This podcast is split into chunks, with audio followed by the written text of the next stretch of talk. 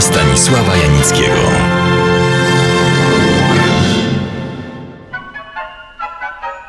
Chciałbym Państwu przedstawić dzisiaj pewien film polski z bardzo dawnych lat, bo z roku 1925, który zrobił niezwykłą karierę z wielu również ściśle filmowych względów, o których za chwilę. Film ten nosi intrygujący tytuł Rywale. Scenariusz napisał Konrad Tom. Bywalcy Odeonu wiedzą, że był to prawdziwy filar ówczesnego polskiego kabaretu, rewi czy estrady. Słuchaczom żądnym szczegółów z życia prywatnego ludzi sławnych przypomnę, że Konrad Tom był mężem fantastycznej naszej aktorki estradowej i filmowej Zuli Pogorzelskiej. Niestety zmarła ona na ciężką chorobę rdzenia kręgowego w roku 1936 u szczytu swej sławy. Reżyserował film, dokładnie farsę, rywalem, Henryk Szaro, wykształcony przez mistrzów w Moskwie i Petersburgu. Reżyser takich głośnych, zrealizowanych potem w Polsce filmów jak Mocny Człowiek, Na Sybir, Ordynat Michorowski. Zamordowany został przez hitlerowców w getcie warszawskim. Opowiem o nim oddzielnie. Obsada farsy Rywale warta jest uwagi. Klejnotem aktorskim był Antoni Fertner, jeden z najoryginalniejszych i najbardziej popularnych od chwili narodzin polskiego kina, komik niezrównany. Jego konkurentem w tym filmie jest Eugeniusz Bodo. Uwaga, to był jego debiut. Płeć piękną reprezentowała Elna Gistet, aktorka w tamtych czasach pierwszookładkowa, a dzisiaj kompletnie nieznana i zapomniana, więc ją nieco przypomnę. Była Szwedką. Urodziła się w Sztokholmie w 1895 roku. W Warszawie pojawiła się w roku 21, kiedy to już sławna, zaangażowana została do operetki warszawskiej. W 1930 roku nawet współkierowała operetką, która nieustannie miała zresztą kłopoty. Jakie? No oczywiście finansowe. Odeon Stanisława Janickiego w RMF Classic. Ostatnią sceną operetkową był Teatr 8.15, w którym też Elna Gistet występowała. Razem z Lodą Halamą, Lodą Niemiżanką i Gosymem, Zbigniewem Rakowieckim czy Witoldem Kontim. Po wojnie pojawiła się w trzech szwedzkich filmach. Zmarła w 1982 roku w wieku 87 lat.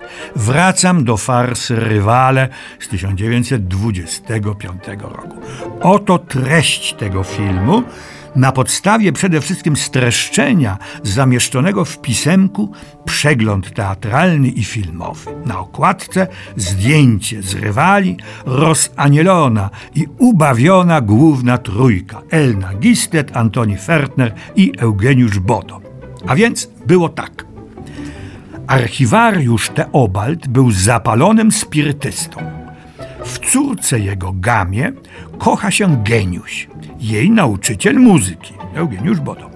Gama odpłaca mu wzajemnością, lecz na przeszkodzie stoi Tosio, bogaty, lecz podtatusiały adorator Gamy, który stara się o jej rękę i cieszy sympatią rodziców, w przeciwieństwie do geniusia. Dla nikogo nie było i nie jest tajemnicą, co z tego wyniknie. Cały dowcip takich filmów polegał na jak najbardziej zaskakującym, zwariowanym, a jednocześnie śmiesznym rozegraniu akcji.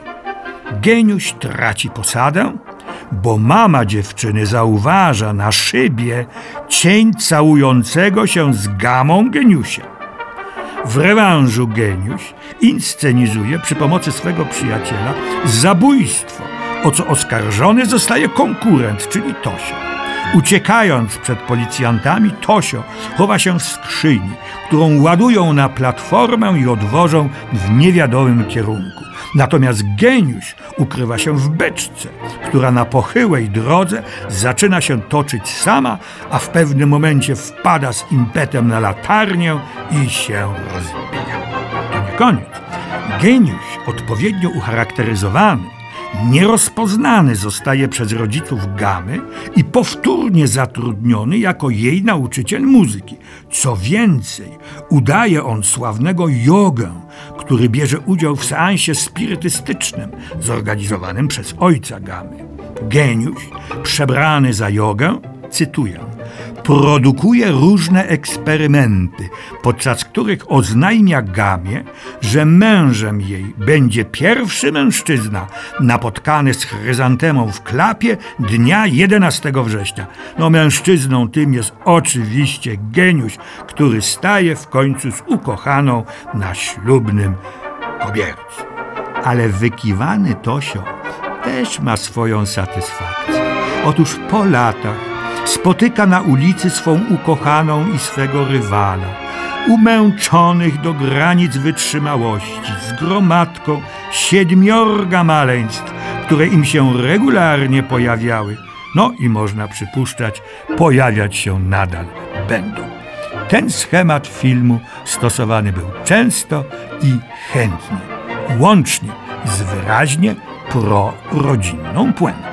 A gdyby komuś taki film, taka farsa się nie podobała, niech posłucha, co o niej przed laty, zaraz po premierze, napisał Karol Iżykowski, znakomity pisarz i krytyk, autor epokowej dziesiątej muzy. Rywale są farsą wyborną, pomysłową, rzetelnie kinematograficzną, niekiedy żywiołowo oryginalną a za charakterystyczny przykład tej rzetelności kinematograficznej, na przykład umiejętności wyrażenia walorami optycznymi walory akustyczne, przypomnę, kino było wtedy jeszcze nieme, podaje Iżykowski następujące sceny. Nie tylko wściekły muzyk rozszalałymi rękami galopuje po fortepianie, ale są jeszcze straszne skutki – Spadają sprzęty ze ścian, skaczą poduszki na kanapie ze strachu, drób ucieka z podwórka, wreszcie sam muzyk pada wyczerpany. Nie są Państwo tym zachwyceni?